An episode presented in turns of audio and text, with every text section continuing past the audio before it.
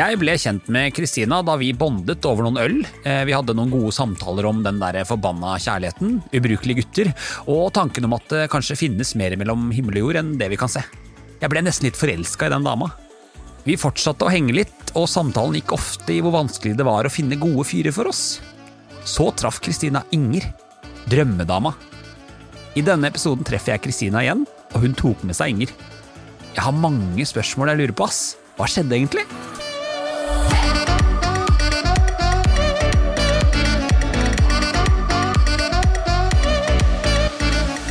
Halla, jenter.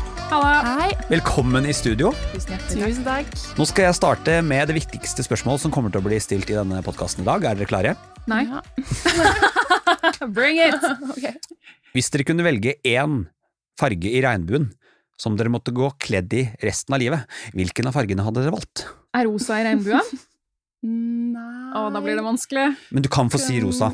Da blir det rosa, og hvis ikke så blir det blå. Da sier jeg lilla. Det er god match, da. Ja. Ja. Du, velkommen igjen. Det er så deilig å ha dere to her. Åh, det er fantastisk å være her og møte, møtes IRL også. Det er lenge siden jeg har sett deg nå, Kristina. De to. Vi snakket litt om det før vi gikk inn i studio. Vi snakker vel godt over et år. Ja, Halvannet, kanskje. det tror jeg. Men samtidig så er det jo litt det året i fjor, altså 2020 Å, der sa jeg det! Vi skal ikke snakke Nei. om 2020. Nei, fuck Men det. det gikk jo så fort at vi nesten ikke har lagt merke til det.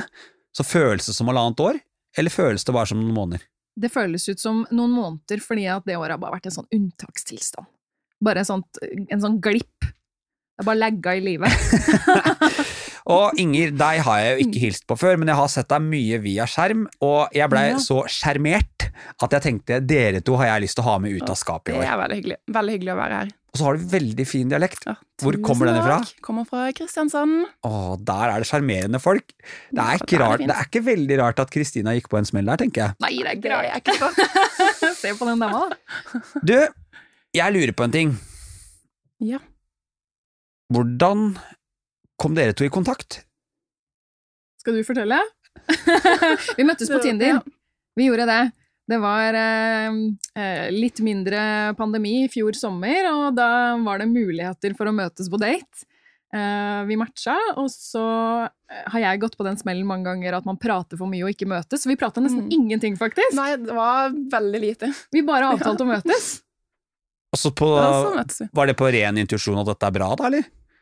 Ja, eller du- Du så ut som en sånn happy person. Eh, jeg bare følte at det, det var god stemning. Her må vi bare møtes, og så bare se, Ja. se om det er god stemning. Det er lettere, man vet aldri hvordan noen er, er før man møter dem i virkeligheten, så det er jo litt lettere å bare prøve.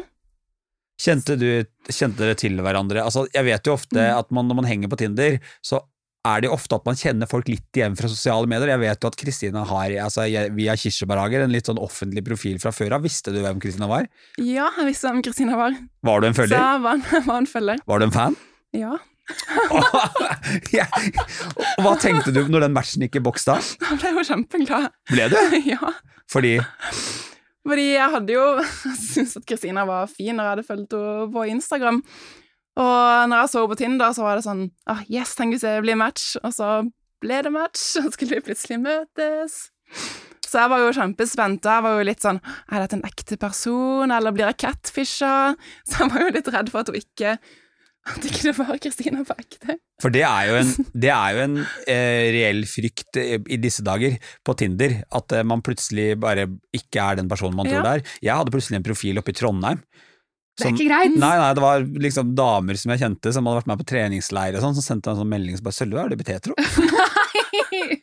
Og det verste var at det, det blei matcher, og de begynte å snakke med denne personen og sånn. Men jeg må jo si at jeg var jo ikke innstilt på at hun skulle vite hvem jeg var. Fordi for meg er jo jeg bare meg. Jeg tenker egentlig ikke over at noen kanskje vet hvem jeg er. Så vi møttes jo, og, og begynner å smalltalke litt, og så sier jo hun at hun følger meg på Insta. Jeg ble jo så flau.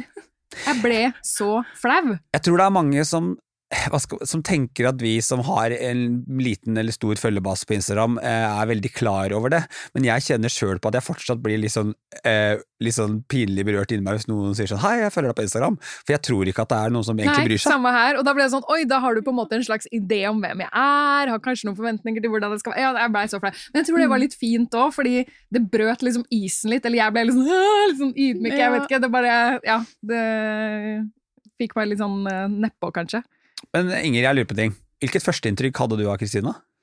Mm, jeg syns jo at Kristina var eh, supersprudlende og lett å prate med, og vi hadde mye å snakke om, mye like interesser. Og ja, det var bare kjempefin første date. Har lyst til å treffe henne igjen. Det ble en klem på slutten av daten som var ganske stort i pandemi, så men, det var et bra men- tegn. er det én ting vi har lært oss nå, så er det å sette pris på klemmer. Vi drakk også av samme vannflaske, som egentlig var et kjempetillits... eh, ja, en stor tillitsgreie. Så det var allerede etablert en form for 'her er det noe som stemmer'. Her er det en form for nærhet, rett og slett. Hva var ditt førsteinntrykk av Inger da, Um, at hun var supervakker og spennende. At hun driver med masse spennende. Studier og har reist masse og interessert i mange ting som jeg er interessert i. Så det var veldig lett å prate. Og så er det jo litt lett å dømme ut ifra at hun har sånn sjarmerende sørlandsdialekt og er blond og søt, ikke sant? så jeg tenkte jo kanskje at hun var litt mer forsiktig enn det hun kanskje er òg. Så jeg hadde jo et bra førsteinntrykk, men sånn andreinntrykket var enda bedre, for da skjønte jeg at hun er jo ikke så forsiktig som hun kanskje ser ut som. For det er ganske mye trøkk der, er det ikke det? Jo, det er det. Hun har, hun har sterke meninger og sånn. For det er det inntrykket jeg har fått når du liksom har lagt fram. Først så var jeg sånn herregud, for en nydelig liten sånn søt sak du har funnet deg nå. Men så har det kommet frem med de sånn små drypp underveis, og jeg har følt at her er det, her er det trøkk. Ja, ikke la skinnet bedra, liksom. Du, hvordan var den første daten deres? Så, altså Hvis vi da tenker liksom den første dagen litt sånn ok, nå går vi faktisk på en date. Det var jo første gang Mm, vi traff hverandre. Ja. Ja, så vi møttes på Vippa, Mm. og vi drakk øl, eller du drakk sider. Og så skravla vi, og så var det sykt varmt, så Ja. vi gikk og bada. Vi Bada på Sørenga. Ja, og så har vi snakka om i etterkant at vi hadde lyst til å kline i vannet, men vi turte Ja. ikke. så det, det var en sånn veldig sosial Mm. date som varte litt lenger enn planlagt. Så du måtte vel gå Ja. rett fra med sånn saltvannshår på en eller annen fest du skulle på, og kom for seint Ja. og sånn. Så det var, det var god stemning. Ja. Var det sånn chili i magen-date? ja, det var jo det. Jeg merka det sånn spesielt som du sa når vi, var, når vi bada, så var det litt sånn Litt spennende, og så hadde litt lyst til å komme litt nærmere, turte ikke Åh, Og det der er jo, det er jo den beste Ja. Det der er jo som rus. Ja. Altså Uten Ja. at jeg kjenner så mye til rus utover alkohol, så er det, det, er, jo, det er jo som rus. Og det, man blir jo nesten sånn litt sånn forelska i forelskelsesfølelsen. Hva var det som Mm. eh, gjorde at det ble en andre date? Det var vel Var det ikke mer sånn spurte på sånn innboks, sånn spørregreie på Instagram? sånn Ja. spørrerunde på Insta. Er du seriøs? Ja, det var kanskje det. Og så var det sånn, Vi må huske at det her var sommeren under pandemi. I hvert fall min energi har vært sånn Mm. opp og ned og opp og ned. Så eh, det er, jeg føler at det er veldig enkelt at man bare faller av den praten. Altså med folk man snakker med på Tinder, kanskje møtte en gang.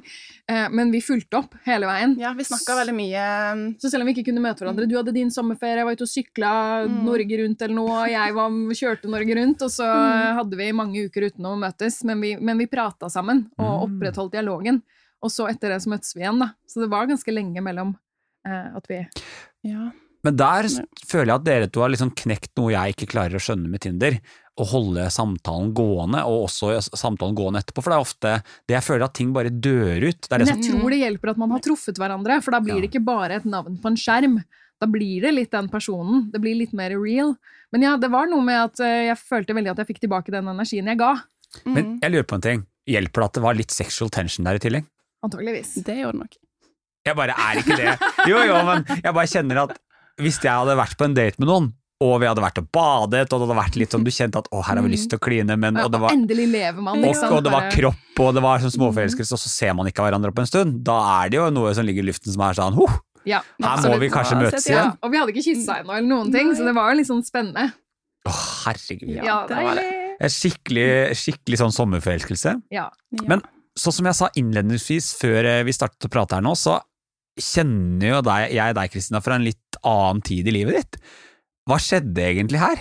Jeg husker at vi har snakket om eh, eh, ubrukelige fyrer mye, og vi er så dritlei av dårlig kommunikasjon og alt det her, og plutselig så dukker du opp med drømmedama.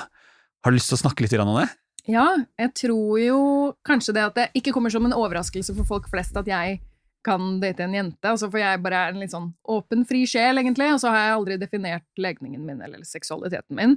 Og så tror kanskje jeg at jeg selv um, har skilt veldig det seksuelle og det romantiske, for jeg har alltid tenkt at jeg må være sammen med en mann. Men jeg kan, hva jeg gjør på liggefronten, det har ingen noe med. Dette Det har vi snakket om før. ja, Ja. ja, det har vi snakket om Mhm. før. Um, det er liksom mitt privatliv. Og så har jeg vært åpen for at jeg kan godt møte en jente som jeg liker, men jeg gidder ikke å på en måte komme ut som bi eller noe annet, eh, sånn legning-wise, uten at det handler om noen jeg skal ta med hjem. For sexlivet mitt har ikke noen noe med.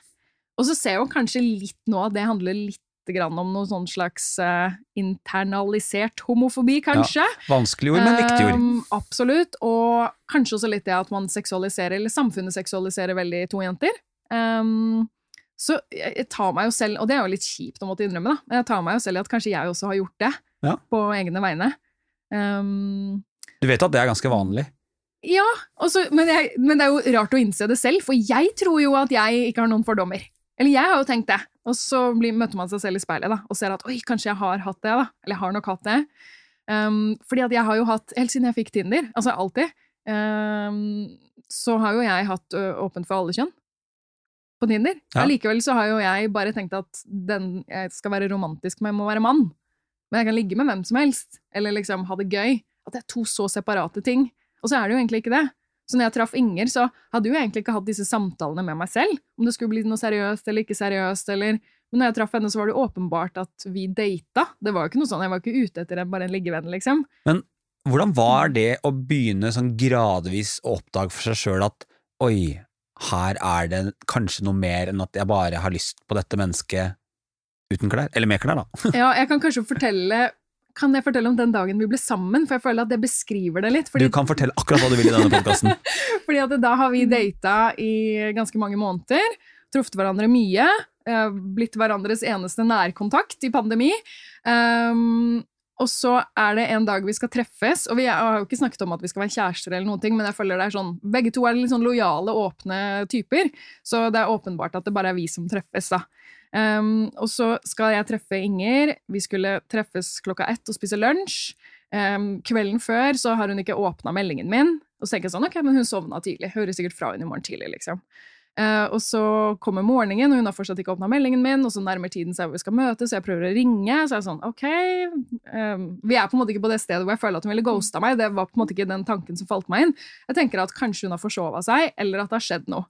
Og jeg er jo en litt sånn type som krisemaksimerer, så da begynner jo tankene mine å spinne. Uh, hun ville svart, hun er veldig sånn, ja greier å ha med å gjøre, sånn sett, og ville sagt ifra dersom noe dukka opp eller hun måtte på jobb. eller noe. Så jeg begynner bare å reise mot leiligheten hennes. Og i hodet mitt da så begynner tanken å spinne at kanskje hun har falt i dusjen og knust hodeskallen, kanskje hun ligger i senga og druknet i sitt eget spy. Jeg begynner å se for meg begravelsen til Inger, jeg ser for meg hvor lei meg jeg er for å miste henne, hvor glad jeg er Inger, og hvor sinnssykt trist det må være når begravelsen hennes kommer, og ingen engang vet hvem jeg er. Alt dette på en halvtime. Ja! Eller på en hel morgen. Det var sånn fire timer, Sølve. Og, og jeg har ringt vennene mine og snakka med dem om det. Hva kan det være? Kan du roe meg ned? liksom? Og de bare 'Nå begynner jeg å bli bekymra'.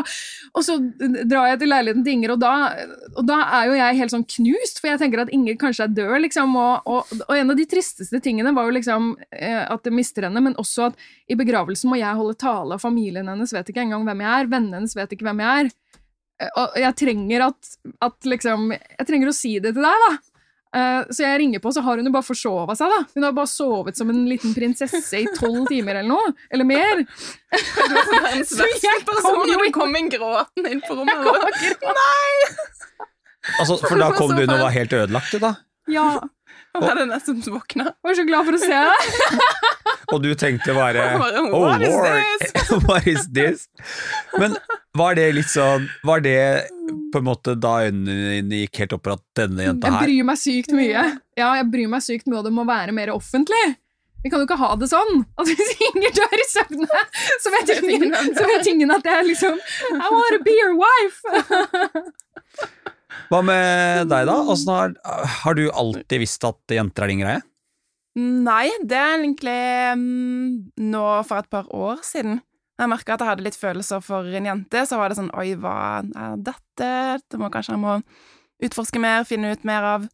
Tidligere så har jeg bare tenkt at jeg, gutter jeg liker og skal like. Det er jo sånn det er på en måte i samfunnet, da, det heteronormative står veldig sterkt og hvis man ikke er en, i en av de boksene som er kanskje enten veldig stereotypisk homofil eller lesbisk, da. Jeg følte ikke at jeg passa inn i en sånn boks, så da tok det ganske lang tid før jeg fant ut at jeg altså kunne like jenter, da. Så Kristina var faktisk min første jentedate. Så det var også litt stort på grunn av det, da. Så det var spennende. Når, men når skjønte du at Kristina uh, liksom der, Det er noe mer enn det? That's my person? Mm, det var vel kanskje sånn på slutten av sommeren, høsten, når vi hadde begynt å bli litt mer seriøse og møttes, hang sammen veldig mye. Og det føltes bare veldig riktig og veldig bra. Hvem av dere var det som, eh, hvem av dere var det som, som closet dealen? Det var meg. det var jo den dagen da, som Kristina snakka om. Det var den samme dagen. Ja. Hvor jeg gråt og alt det der. Ja. Og på kvelden så hadde vi, drev vi med et sånn, sånn spørsmålsspill. Um, sånn fuelbox, ja, eller sånn gylne moments, eller sånn heter det. Ja. Ja, ja. Og så kom det et spørsmål som var um, Er det noe du har lyst til å spørre meg om som du ikke tør å spørre? I'm a cry. jeg dodga den rett over til henne. Jeg bare 'Den kan du svare på!' For det hang det litt i luften da? Ja. Det hang det så i lufta. Men jeg tør jo ikke, ikke sant. Så da spurte jeg om du ville bli kjæresten min. Hva, hva tenkte du da, Kristina? Jeg tenkte ja. jeg tenkte at det var perfekt. Og at jeg, jeg har såpass mye dårlig sånn bagasje med meg at jeg trengte også litt at det var Inger som spurte om det. Fordi jeg tror at hvis jeg hadde vært den som hadde fremmet det spørsmålet, så hadde jeg nok for alltid gått rundt og tenkt sånn Ja, men du sa sikkert bare ja for å være hyggelig, eller noe sånt. Ja, for du og jeg, Kristina, har jo snakket litt det om at du alltid har følt, eller ofte har følt at du har vært den som har gitt, og gitt veldig mye, og hele tiden liksom strevet for at dette, skal funke, og nå skal det bli, og både på dating og liksom med fyrer tidligere og sånne relasjoner. Så jeg syns det er veldig morsomt at du sier akkurat det, for jeg tror noen av de, de, menneskene som er litt sånne hard hardworkers, som faktisk gjør en innsats, de trenger å bare kjenne på at nå var det jeg som ble tatt vare på. Ja, og det er litt sånn unikt også for meg i denne relasjonen, at jeg føler tidligere at jeg er den som uh, gir mest og prøver hardest og bidrar mest, og så her bidrar vi like mye. Og det føles så vanvittig godt. Jeg har nok ikke skjønt det før heller, at det har vært så skeivt, da. Uh, selv om det var et feil ordvalg. Så nå er det skeivt på en annen måte og mye bedre. Ja, men skeivt kan dekke veldig mye. Eh, jeg lurer på en ting. Hva er det diggeste med å være sammen med en jente? Er det noen forskjell? Altså, For deg da, Kristina, du har jo liksom vært sammen med gutter. Er det noe som er diggere nå? Altså Obviously yes, men jeg bare lurer på, er det liksom sånn, er det noe du setter pris på? Jeg setter pris på, vi, vi kommuniserer mye bedre. Jeg føler at det er mye lettere. Og vi bidrar likt med veldig mange ting som jeg føler at litt sånn er jenteting å bidra med. Selv om man skal ikke liksom eh, gjøre det så stereotypisk, dette med kvinne og mann og sånn, men det er ganske store forskjeller på hva man bidrar med. Um, så for meg føles det ut som en stor forskjell med å date en kvinne, da, selv om um, uh, ja, selv om jeg bare kan sammenligne det med å faktisk være kjæreste med Inge, liksom. Ja. Um, men ja, uh, så er det jo andre åpenbare mm. ting, da, som uh, myke lepper og tits og sånn. ja, altså, jeg er jo jeg, Folk pleier å spørre, liksom, det får man jo hele tiden. Altså, når var det du skjønte at du var homo? Det bare sånn, for meg så var det da jeg lå med en fyr. For da gikk jeg fra å ha hatt eh, god sex eh, til å ha amazing sex, som jeg tenker måtte det aldri stoppe noen gang i hele mitt liv. Det var bare på en helt annet nivå, men det er også viktig at da la jeg jo plutselig også følelser i sexen min. Så for meg så var det en sånn enkel ting, men det er jo um, jeg skulle ønske at det var flere som bare turte å utforske litt noen ganger. Ja. For å se hvor fint mm. det er å bli glad i noen eh, av samme kjønn. Absolutt. Ja. Jeg tror det er så mange som egentlig er litt mer, litt mer åpne Har litt mer åpen seksualitet enn det man tror, fordi man tenker at det er sånn det skal være, man skal like det motsatte kjønn. Da Ja, tør altså- man kanskje ikke helt å prøve å utforske. Nei, for det, det er jo akkurat det at eh, Det er akkurat det du sier der. Vi er jo lært opp til hvordan ting skal være. Og det får vi jo helt fra, fra Disney. Ikke Ja, ja. Disney er jo den verste mm. påvirkeren av de alle. Vi elsker Disney, men samtidig så er det, det er ikke kult å være, ha et skeivt gen i seg og se på Disney, for da bare sånn Hei, jeg passer jo ikke inn i det her. Mm. Nå sitter det noen og sier, tenker seg sånn, ja, de har laga én film, ja, én av 2000 filmer om, med et skeiv karakter. Så det er liksom noe med det at vi kanskje blir litt pusha inn i den forventningen. Ja, definitivt. Og selv om eh, man tror at man er ekstremt open-minded, som jeg selv har trodd om meg selv, så innser jeg jo at alt det der har forma meg òg. Mm. Og det tror jeg gjelder så mange, og jeg får så mange meldinger etter at vi ble åpne i sosiale medier. Fra damer som er sånn 'Jeg er gift med en mann, men jeg er egentlig veldig interessert i', eller 'Jeg hadde, skulle ønske at jeg hadde utforska'. Så mange som innser det. Også tenk så mange som ikke innser det. Uh, hvis vi hadde vært presentert for muligheten, så tror jeg veldig Mm. mange mer hadde vært i den middelsonen, da. Eh, at man kanskje kan være interessert i alle kjønn, eller at man er ja, Ja. på et eller annet vis. Mm. Og da er det jo, og dette er litt en av grunnene til at jeg gjør denne podkasten. Jeg ønsker at så mange som mulig skal innse at det er gøy å være gay, mm. og at det er en kul ting. Fordi vi satt jo og snakket om det i stad, men jeg ville aldri ha byttet. Jeg elsker den skeive siden min. Det er liksom, Den delen av meg er helt fantastisk. Hva tenker dere om det? Helt enig. Det er bare kjempefint. Så når jeg er sammen med Kristina, så bare føles det helt riktig og helt naturlig.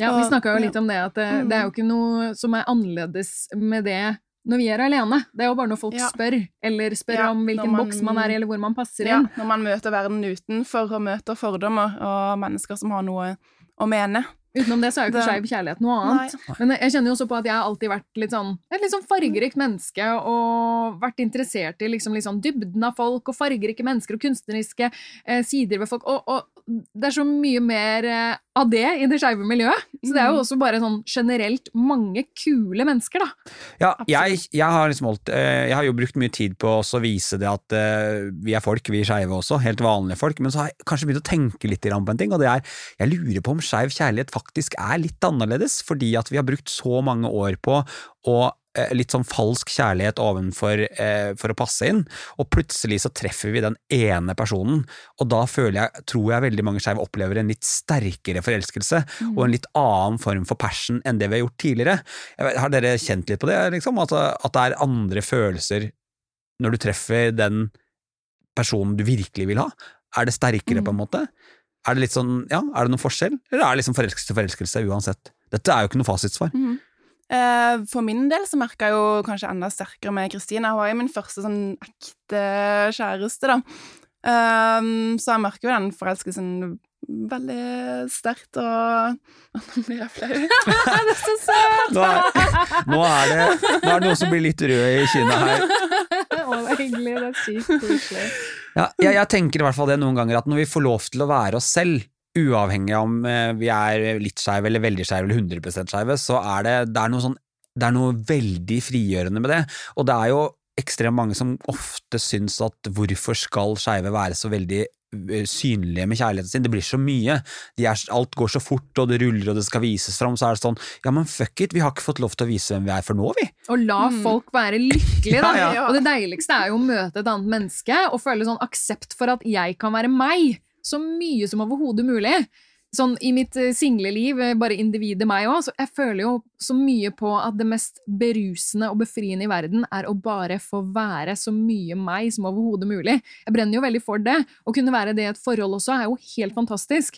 Og ikke føle at liksom, at du liker meg best hvis jeg toner meg litt ned, eller det skal være sånn, og du skal eh, se Mm. sånn ut. Så jeg føler jo også at vi eh, tester litt det der sånn nå er du litt rar, og så merker du at 'å, jeg digger at du er litt rar', da er jeg litt rar, Ja. og så blir vi bare rarere og morsommere og mer glitrete. Og, ikke sant? Det, ja, at man eh, får den friheten til å bare være morsom og rar og helt sånn, sånn som man er når man Ja. er alene, nesten. Det er jo ingen relasjoner man har lyst til å bygge fasade, egentlig. Eh, Og jeg er veldig opptatt av det. Hvis jeg kjenner at jeg begynner å bygge fasade for å passe inn, da kjenner jeg altså at Mm. dette blir ikke noe. Det varer ikke lenge. Men det kommer jo kanskje litt med alder også.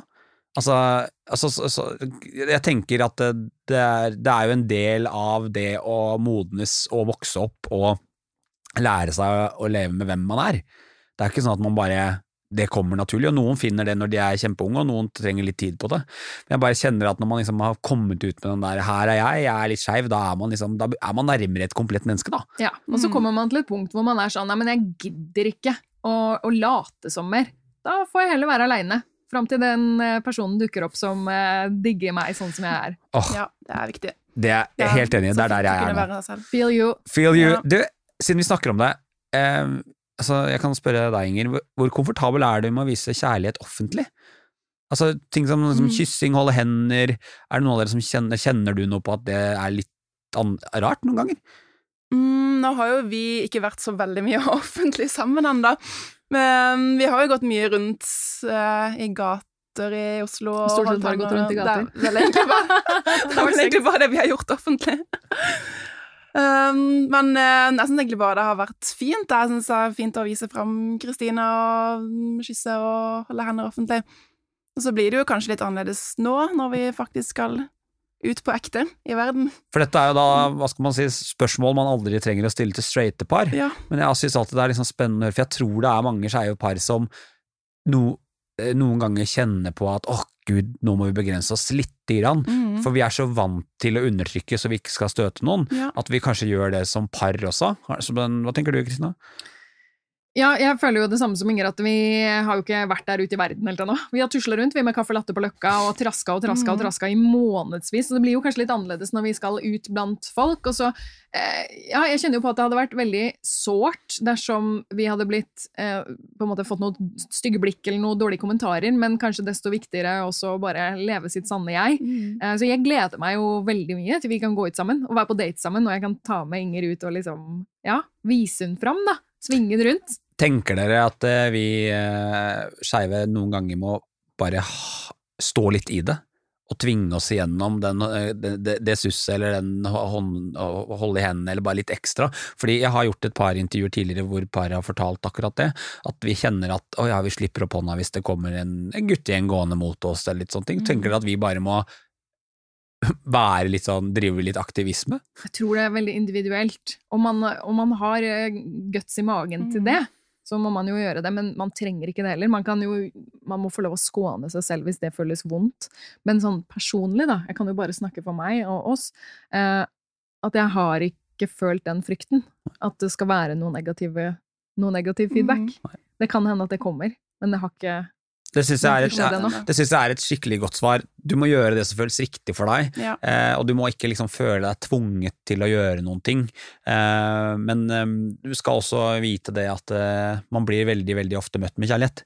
Mm. Ja, man gjør jo Og det. nysgjerrighet. Ja, Ja. vi har fått så mye fine tilbakemeldinger, i hvert fall på alt vi har gjort på nett, og det er veldig lite dårlig feedback. Men vi snakka litt om det i starten når vi begynte å date, og jeg husker du sa at Mm. og jeg føler at jeg liksom må fortelle til folk at jeg dater en jente, og så at de gjorde litt sånn ah, Grua deg litt, liksom. Og da snakket vi om det at men du må jo ikke det, hvis ikke det føles bra og riktig akkurat nå. Altså, du har lov å skåne deg selv. Mm. Du, du må ikke føle på at du må det overfor meg, og du må ikke føle at du må det fordi du skylder noen andre det. Du har lov å gå rundt og ha en fin dag og ikke trenge å, å være en aktivist, på en måte. Mm. Eh, Ja, ja, for det, ja, jeg er helt enig. Og jeg syns det er viktig å si at det å være aktivist eller eh, eh, foregangsperson, det må ikke være en fulltidsjobb.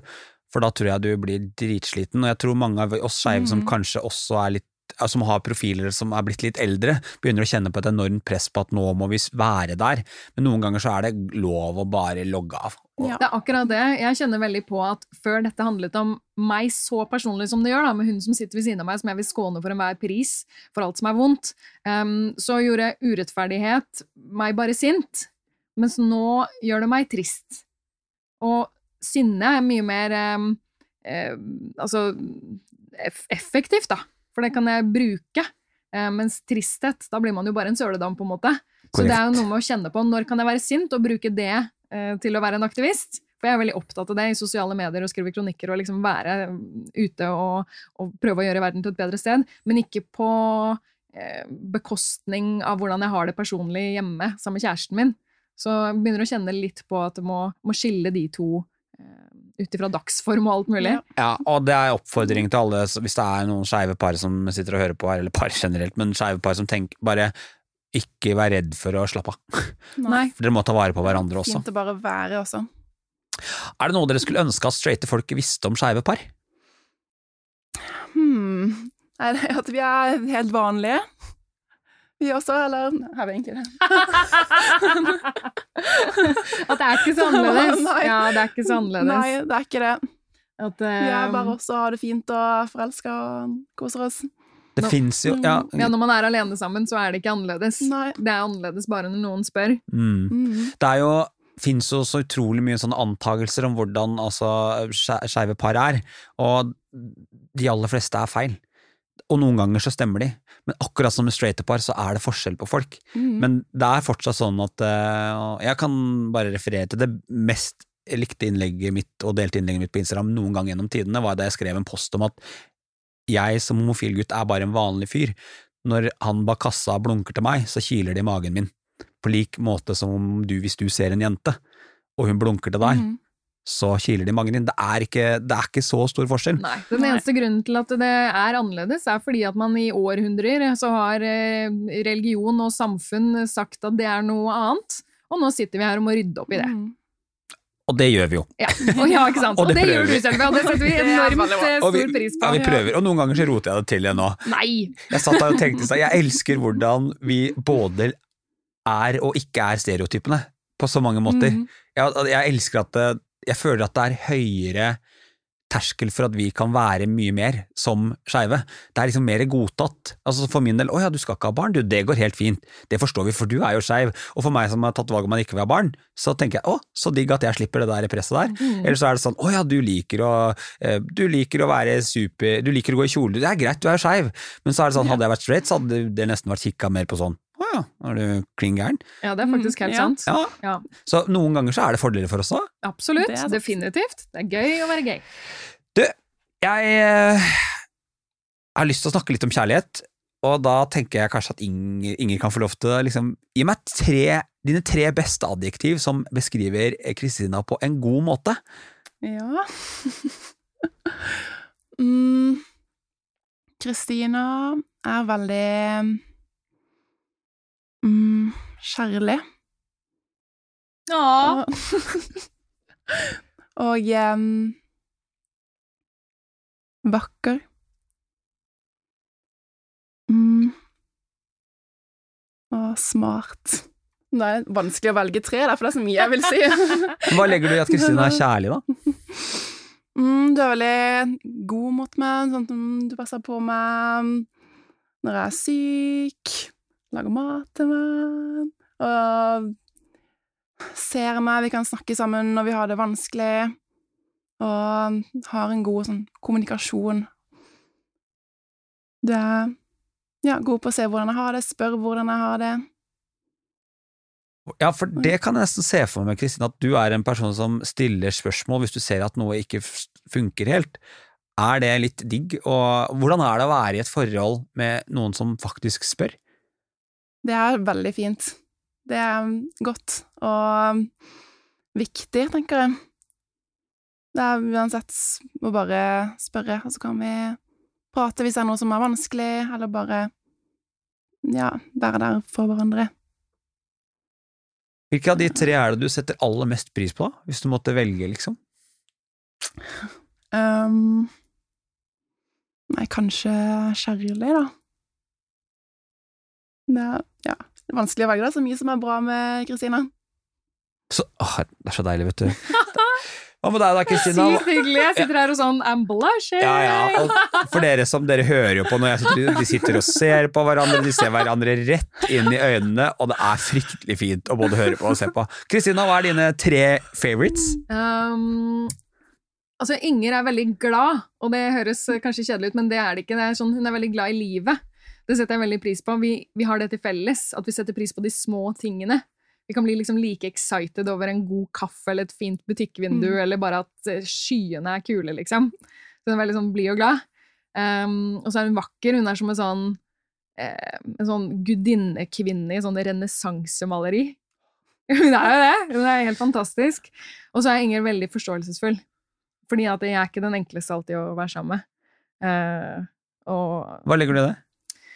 Inger viser veldig stor forståelse for Jeg kan være veldig sånn at jeg, nå må jeg være alene, eller nå er jeg sliten, eller nå har jeg liksom mine tanker som jeg bare kjører meg fast i. Som kanskje kan føles ut som å bli avvist, eller som at jeg eh, ikke vil være sammen, eller som jeg forstår at kan tolkes sårende noen ganger, bare fordi at jeg er en sånn komplekst menneske med mye bagasje. Men hun viser liksom alltid forståelse for hvordan jeg har det, og tar det ikke personlig, og det setter jeg veldig pris på og det gjør at vi har det veldig fint. Mm. Det er jo en sånn god del, eh, eller en sånn fin side med å kommunisere godt, da. Er det din favorittegenskap ennå, eller? Ja, det tror jeg. Altså, du, ja, for det er jo noe med det i et parforhold å klare å ta litt avstand uten at den du tar avstand fra, føler seg støtt eller deg selv. Ja, Uh, og det er ikke alltid enkelt. Og det er ikke alltid enkelt å være den personen. Jeg, jeg klarer ikke alltid å være den beste versjonen av meg selv. Noen ganger bare har jeg det vanskelig. Det er fordi du ikke har vært med på Kompani Lauritzen ennå, for, for der er alle den beste versjonen av seg selv etterpå. Oh my god, ja, det er nok derfor 100 Så jeg, fram til den dagen setter jeg veldig pris på at Inger er så forståelsesfull. Hva er det perfekte parforholdet, og hvordan ser det ut for dere? Det betyr ikke at dere må ha det nå, men hva, hvis dere liksom skulle få drømme, hva er det som er viktig for dere? Mm, tror det handler om at man kan snakke om alt, tørre å Tørre å si fra, tørre å spørre, være åpne og ha det gøy, ikke minst. Det Ja. syns jeg jo vi har. Vi gjør mye gøy, selv om det har vært pandemi, så har vi jo klart å Ja, har vi det klart det, hyggelig. har vi klart det Ja. her, så klarer vi faen meg alt. Ja, Eh, vi har kommet og, oss ja. korona, så Og det å være hvert sitt individ, men fortsatt være sammen. Ikke Ja. miste seg selv eh, i forholdet, men Mhm. fortsatt liksom eh, Være i tospann, da, men allikevel være seg sjæl. Ja, for Har dere tenkt noe på det nå, at ok, nå åpner jo liksom samfunnet igjen, og vi skal kanskje begynne å leve hvert vårt liv etter å ha levd ekstremt tett et år. Ja. Er det noe Mhm. dere tenker på at det kan bli rart? Ja, jeg tenker på Mm. det. At det kan bli litt vanskelig på en måte. eh, Men samtidig veldig fint. Vi er to mennesker med ganske stort behov for våre venner og vårt liv. Ingen er nok hakket mer sosiale enn meg også, og trenger vennene sine. Så vi har hatt mange stunder hvor vi liksom har sørga over mangelen på hvert vårt liv. Og vi har Mm. grått til hverandre, liksom. Og bare 'jeg savner vennene mine, jeg savner å gå ut, jeg savner å spise brunsj', jeg savner den delen av meg som gjør meg til et ungt menneske. eh, som gjør meg til meg. Som er den delen eh, av livet jeg har valgt, da, framfor å kanskje ha lagd familie tidlig og sånne ting. Um, så nå skal vi jo ut og gjøre det, men det som er fint, er jo at vi kan gjøre det litt mens vi holder hverandre i hånda, da. Jeg tror det er litt sånn eh, Det blir jo litt sånn derre sosial angst-type boble, i hvert fall jeg føler at jeg sitter litt i, hvor jeg gleder meg til å gå ut, men det kan også bli overveldende. Ja. Um, hvor vi både kan gå ut og, og dra ut på byen sammen etter hvert, kanskje, um, men også få tid med venninner og den tiden man trenger. Mm. Altså, jeg tror det blir veldig fint, men selvfølgelig så kan det bli litt sånn, det kan føles litt brutalt kanskje òg, vi får se. Så litt sånn oppsummert så er et godt parforhold for dere sammen, men alene? Ja. Altså at man kan gjøre begge deler? Mm. Det er viktig å føle at man er sitt eget individ i forholdet. Det tror jeg veldig Ja. mange av de på utsiden av dere som er glad i dere, setter pris på også. Jeg har i hvert fall eh, tenkt på det, og det har jeg fått tilbakemelding på venner, at de gangene jeg har vært i et forhold, så har det vært deilig at man kan liksom bare få den ene parten innimellom også. Ja, og det er viktig òg, ikke sant. Altså, alle har sikkert vært i en eller annen slags relasjon hvor man føler også at man har mista seg selv. Så blir det slutt, da. Og så sitter man igjen og lurer på hvem er jeg uten deg, og nå må jeg ringe de vennene jeg ikke har snakka med og prioritert på så lenge. Det har i hvert fall jeg lært mye av fra liksom litt sånn yngre relasjoner. At det er veldig viktig at jeg alltid er meg. Mm. Og så er det også kjempefint å bruke masse tid med den man er glad i. Ja, så er det jo noe med det at jeg tenker at eh, ikke sant, eh, den nyforelska-følelsen den går over på et tidspunkt, og så går man inn i forelska og mer kjærlighet, men Mm. det som kanskje kan styrke kjærligheten litt, er jo den følelsen av litt savn. Og det å være borte fra hverandre, det er jo akkurat det som gir litt grann savn. Mm. Så jeg tenker at noen ganger så er det lurt å være liksom distansere for å bare få litt mer trøkk når man treffes igjen. Ja, Ja. definitivt. Og så liker vi å være med venner, og være sammen med hverandre, med hverandres venner og sånn, er Mhm. ting jeg gleder meg til. Altså. Ja, det blir fint. Og vi kan ha fest. Invitere folk. Ja, for jeg lurer på, det, kan, det må jo bli en liten sommerfest i Kirsebærhagen. Det må faktisk det! Det må det bli. Og den skal være fargerik. Ja, jeg har, jeg har tenkt litt på at det har vært gøy å ha temafester, og så bare pløye gjennom alle de morsomme temaene gjennom. Jeg har et spørsmål. Kan du kjøre Hunger Games-tema? Det kan jeg, så Takk. Det Bra. Da er det vi ladet det. Du, nå er jo, har vi jo hittil fått en veldig sånn rosenrød og fin story fra dere, men jeg vet med sikkerhet at det sikkert er tider hvor det er litt tøffere også. Hvordan vet dere to at det er litt dårlig stemning dere imellom? Hvordan kan dere kjenne på det? Jeg sier det. du kan få svare. Ja, da er jeg Det var litt sant, da. Det er vel det at vi um, Ja, vi, det er ikke noe som på en måte ligger og ulmer så lenge det kommer liksom Hvis det er noe, så kommer det opp, og så får vi snakke om det og jobbe gjennom det. Men ser du det på Um, Kristina hvis det er noe? Du trenger ikke å se det. Jeg sier det lenge Det før du merker det eller ser det. Jeg kanskje må merke det litt på Inger. At det er sånn, er det noe du tenker på? Eh, Og så er det sånn, ja, faktisk, jeg er litt lei meg for det her. Eh, Men, Ja. men eh, jeg ser det jo på deg, mens jeg braser jo ut med alt, ikke sant? Kanskje Ja. til og med før jeg har tenkt meg om. Så Tenker du noen meg. ganger at eh, off, fuck, det burde jeg ikke sagt? Ja, absolutt. Og da sier jeg det jo, ikke sant. At åh, nå føler jeg at jeg har sittet her og klaga over det, og, men det skjønner du litt også, Inger, at det er ikke så alvorlig, kanskje. Nei at noen ganger bare renner følelsene over. Jeg er jo bare en ball av følelser. Men hvordan er håndterer dere det, da? Altså, Hvordan blir det bra igjen? Eh, Vi prater om det. Mm. Vi prater det ut. Og noen ganger så Fordi jeg er litt sånn som kan hekte meg fast i noe som er vanskelig, og syns det er vanskelig å bli kvitt det. Mm. Men jeg har lært meg at jeg må bare si det. Jeg må bare si at jeg syns fortsatt det er vanskelig. Jeg trenger at du jobber sammen med meg nå på at vi bare skal komme oss ut av det her sammen. Vi må finne en løsning. Kan du hjelpe meg å finne en løsning? Og så at vi liksom Vi, vi prater sjukt mye, da. Ja. Men, Eh, men hvordan er det for deg, Inger, som er en tenker, å være sammen med en snakker? Uh, nei, jeg syns det er bra. Jeg blir også litt utfordra på å snakke, på å jobbe gjennom ting. Jeg kan jo være litt mer konfliktsky. Så jeg syns det er fint å bli litt utfordra på det. Jeg tenker at det må jo være eh, to eh, hva skal man si, egenskaper som egentlig funker ganske godt sammen. Eh, altså en som, eh, en som drar og en som holder igjen lite grann. Det, det hører, høres i hvert fall veldig bra ut. ja, jeg føler kanskje at du oftere er rasjonell, og det er deilig. Er det, altså Hvor viktig er det å ha felles interesse for noe? Jeg vet jo at det, jeg, jeg har bare prøvd å tenke ut hva er deres felles interesse, og jeg har funnet at det er livsnyting. Ja, det er akkurat det der! Vi har snakket om det. Hva er våre Mm. felles interesser, eh, Inger? Mm, vi har vel egentlig ganske mye Når jeg spurte deg om det i går, så sa du bade og drikke Bade, vin. ja. For det er det jeg føler, og for meg så er det oppsummert i en mer politisk korrekt term livsnytting. Ja, absolutt. Hvordan er det å, hvor viktig er det å kunne dele noe? Mm, det er veldig Jeg tror det er ganske viktig, og fint at vi har noe som vi kan gjøre sammen som gjør oss begge glad, da. Og vi er veldig flinke på å kose oss og gjøre sånne fine småting, da, som å ja, ta ut badekaret og se på solnedganger, liksom. Ja, altså, Og bare gå ut, gå rundt i sola og drikke kaffe og se i butikkvinduer, og vi har jo kost oss å bare gjøre sånne småting. ja, for det er så Jeg blir så glad av å høre det. Jeg ble så bevisst på det. Det var en eh, Facebook-venn som da Ja, det er jo et eget uttrykk nå. Facebook-venn, ikke så veldig nær venn, som la ut en sånn um, uh, liten oppmerksomhet på en tirsdag fra kjæresten min, straight selvfølgelig, for det er bare straight som gjør sånn her, la ut en veske da som har fått til, eh, som jeg vet koster nesten 30 000 kroner. Så var jeg sånn Fucking liten oppmerksomhet! Det er ikke en liten oppmerksomhet, det er en månedslønn! Ja, det er helt Mm. En liten oppmerksomhet for meg, det er et klaps på rumpa, og, og, her har du et glass jus. Absolutt. Eh, Kaffe på senga er en liten Ja. oppmerksomhet på en tirsdag. Og hvordan stiller dere til, dere til det der? Er det Hvordan blir man god på å sette pris på små ting? Det er et sykt vanskelig spørsmål, men Ja, Det er et vanskelig spørsmål, fordi jeg kjenner jo på selv at jeg alltid har vært sånn veldig excited over småting. Ja. Jeg elsker lukten av fersk kaffe. Jeg blir liksom dødsglad av å se en sykt fin kjole i et butikkvindu. Og så møter jeg Inger som også er sånn. Mm. Ja. Og gleden av å se hennes glede over småting, og vi spiller hverandre opp. Det er veldig Ja. deilig. Vi kan fort bli gira. Vi kan fort bli Ja. gira. Vi blir veldig fort Ja. gira, og det er veldig gøy. Altså, hvis vi skal være hjemme og slappe av en helg, liksom, så kan vi bli supergira bare av å pynte oss. Vi skal lage sånn mat, og vi gjorde litt sånn, og vi kjøpte en god olje, og så er det liksom eh, hele verden, da. Mm. Så jeg, jeg vet ikke hvordan man blir det. Jeg tror kanskje vi er lagd sånn. Um, ja, men uh, kanskje det handler om da, å, å begynne å tenke over hva man faktisk blir glad for i hverdagen, og kanskje se hva en, en annen person blir glad for i hverdagen, og så kanskje begynne å bidra med det til den andre personen. Mm. Det kunne jo hende at jeg ikke likte kaffe, men allikevel at Inger elsket å få det på Ja, ja.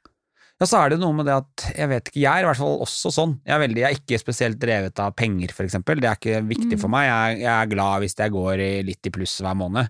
Eh, men jeg er for eksempel, og jeg kan sette pris på sånne kjempesmå ting. Sånn som hvis, altså, bare sånn hvis jeg vaska doen, jeg. Sjøl, som jeg har gjort sjøl, så blir jeg sånn herregud, det var deilig å få gjort. Nå kjenner jeg at jeg ble sånn glad inni meg. Ja, Eller, eller, sånn hvis, eller hvis du er sammen med eh, Hvis du er sammen med venner, da, så har de bare gjort noe så enkelt som lager mat til deg, eksempel. Mhm. Eller bare sånn hei, vi satte igjen litt ekstra frokost til deg, sånn. Herregud, så koselig det Ja, er. det er jo helt fantastisk. Det trenger ikke å være sånn grand gestures. Nei, for jeg syns grand gestures kan bli litt voldsomt. Ja, det kan bli Ja. litt sånn For det første kan det bli litt kleint, men det kan også føles ut som åh, da må jeg bidra med noe så svært tilbake. Tenk om vi skulle gi hverandre en Chanel-veske hver gang vi ville gjøre noe fint for hverandre. Da har man jo ikke råd til å gjøre mange små ting. Nei, Nei. det er akkurat det.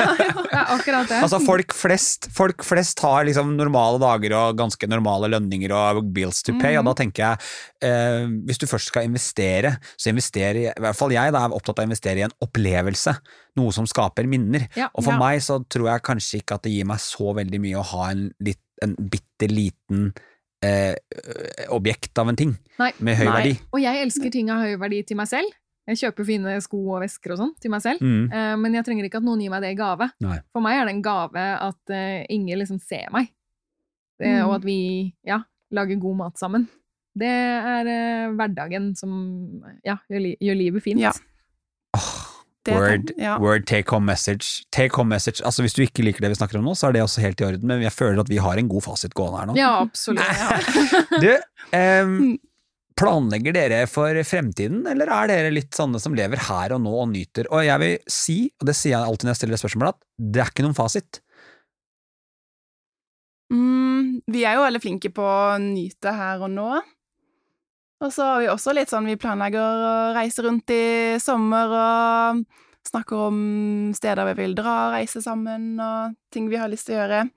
Så vi planlegger jo også litt for fremtiden, da. Jeg tror veldig på at eh, det å planlegge ting, der er 50% av gleden selve planleggingen. Mm. Om du ikke ender opp med å gjøre det, så har det fortsatt vært kjempegøy å planlegge. Så vi begynte å planlegge allerede forrige sommer, til og med før vi var sammen. Herregud. Ja. Og så eh, at vi ville kjøpe en van og kjøre rundt eh, i Norge neste Ja, ja. sommer. Nå har vi gjort det, Mm. og skal kjøre rundt i Norge i sommer. Og driver og tar lappen sammen.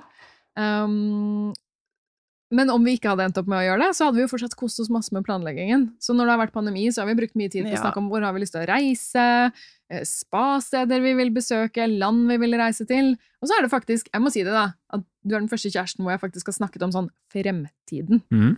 Sånn, vil man gifte seg, Mm. vil man ha barn, hva vil Altså man de gjøre når man typiske litt store spørsmålene. Ja, ja, det har jeg Mm. holdt meg så langt unna før. Ja. Men det føles litt tryggere å snakke om det. Med, Det har jeg også aldri snakka med noen før. Det føles bare mer sånn But here we are. riktig og naturlig å snakke med deg om det. Jeg tenker at det å um, Jeg har jo personlig vært veldig sånn redd for å tenke framover, og det kan noe særlig mye mer enn to måneder syns jeg er voldsomt. Men samtidig så gir jo det også en sånn Det at man har noe å drømme mot. Eh, og man trenger jo ikke alltid å planlegge de, noe mer enn akkurat sånn som dere sier at en ferie eller et eller annet sånn. Fordi jeg ser at hvis man ikke planlegger noen ting, så ender man opp med ikke å gjøre noen ting heller. Og så, sant. og så dør forholdet kanskje ut, da. Ja. Fordi at man ikke har noe Og så er det så gøy å planlegge, da. Jeg vil liksom slå et slag for det der med at planlegge er kjempegøy. Man sitter og gleder seg til noe, kanskje man lager et moodboard, kanskje man ser på hoteller, man ser på hytter, eller man drømmer om hvordan det skal være, Mm.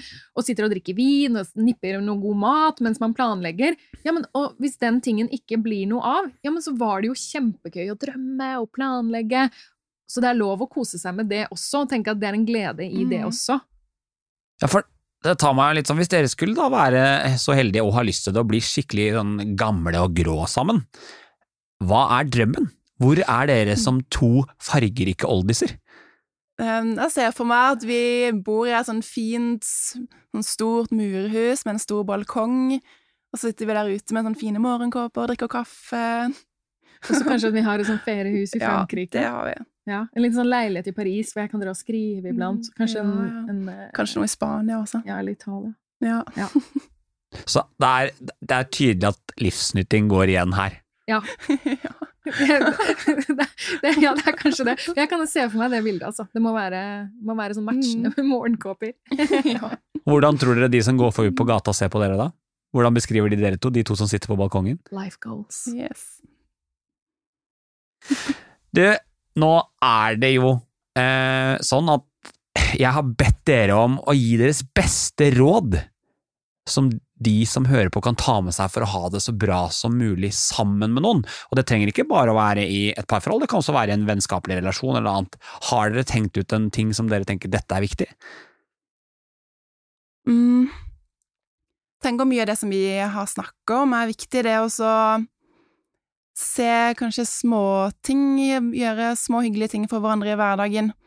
Og det trenger ikke å være en Chanel-veske, det kan være å lage en andres favorittkaffe eller te, eller eh, gå en tur på kino, småting, da.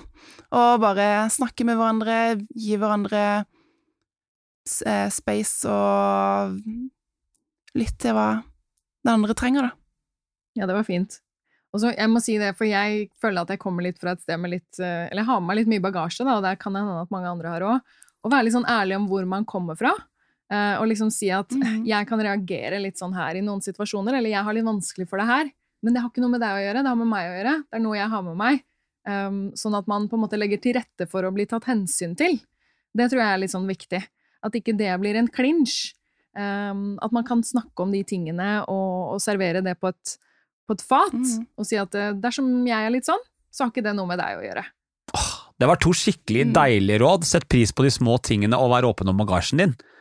Det tror jeg er eh, Det kan man ta med seg virkelig ta med seg videre. Du, sånn avslutningsvis, og det siste spørsmålet jeg alltid stiller i denne podkasten, det, er- det, det er jo pride, og i denne minisesongen her så lurer jeg litt på hvorfor dere tenker at pride fortsatt er viktig, og ikke minst, hvilke endringer håper dere å se for oss skeive i framtida? Mm.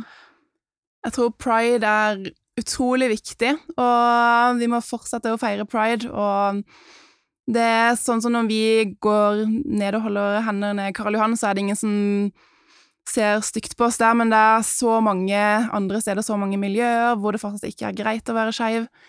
Så mange mm, religiøse eh, Ja, så mange religiøse, konservative kulturer og miljøer, familier, hvor det er vanskelig å snakke om, hvor folk ikke tør å komme ut av skapet, hvor eh, Ja, det er rett og slett Man blir for eksempel kasta ut av familien, man blir drapstrua. Det skjer fortsatt i Norge, det skjer i verden så mange steder, og det er fortsatt lov med homoterapi i Norge. Det er jo helt sykt.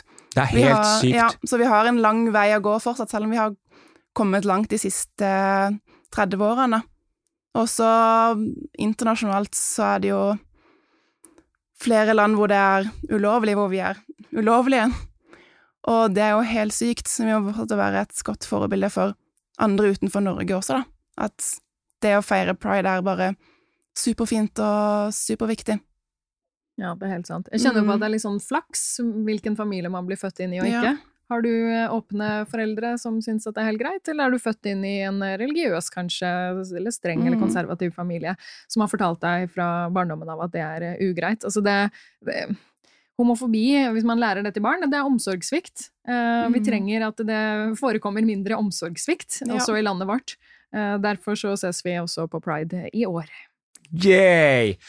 Åh, du, kjære dere to, tusen takk for at dere hadde lyst til å være gjester i Ut av skapet. Takk for at vi fikk komme. Ja, det var veldig hyggelig å være ja være det var hyggelig.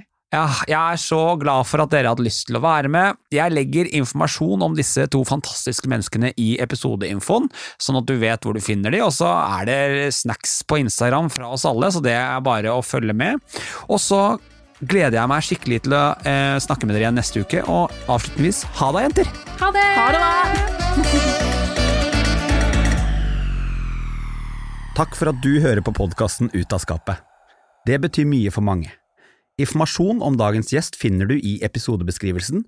Sjekk alltid ut fine folk på sosiale medier. Denne podkasten er helt avhengig av deg, så er du glad i Ut av skapet, del om du lytter, og rate oss gjerne der du kan rate podkast. Jeg gleder meg skikkelig til nye skeive historier neste uke. Vi høres!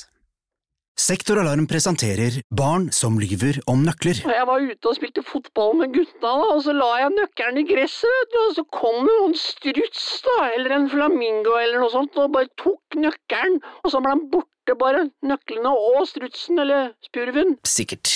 Uansett, akkurat nå har Sektoralarm kampanje på boligalarm og dørlås med kode istedenfor nøkler, slik at barna alltid kommer hjem til en trygg bolig. Les mer på sektoralarm.no.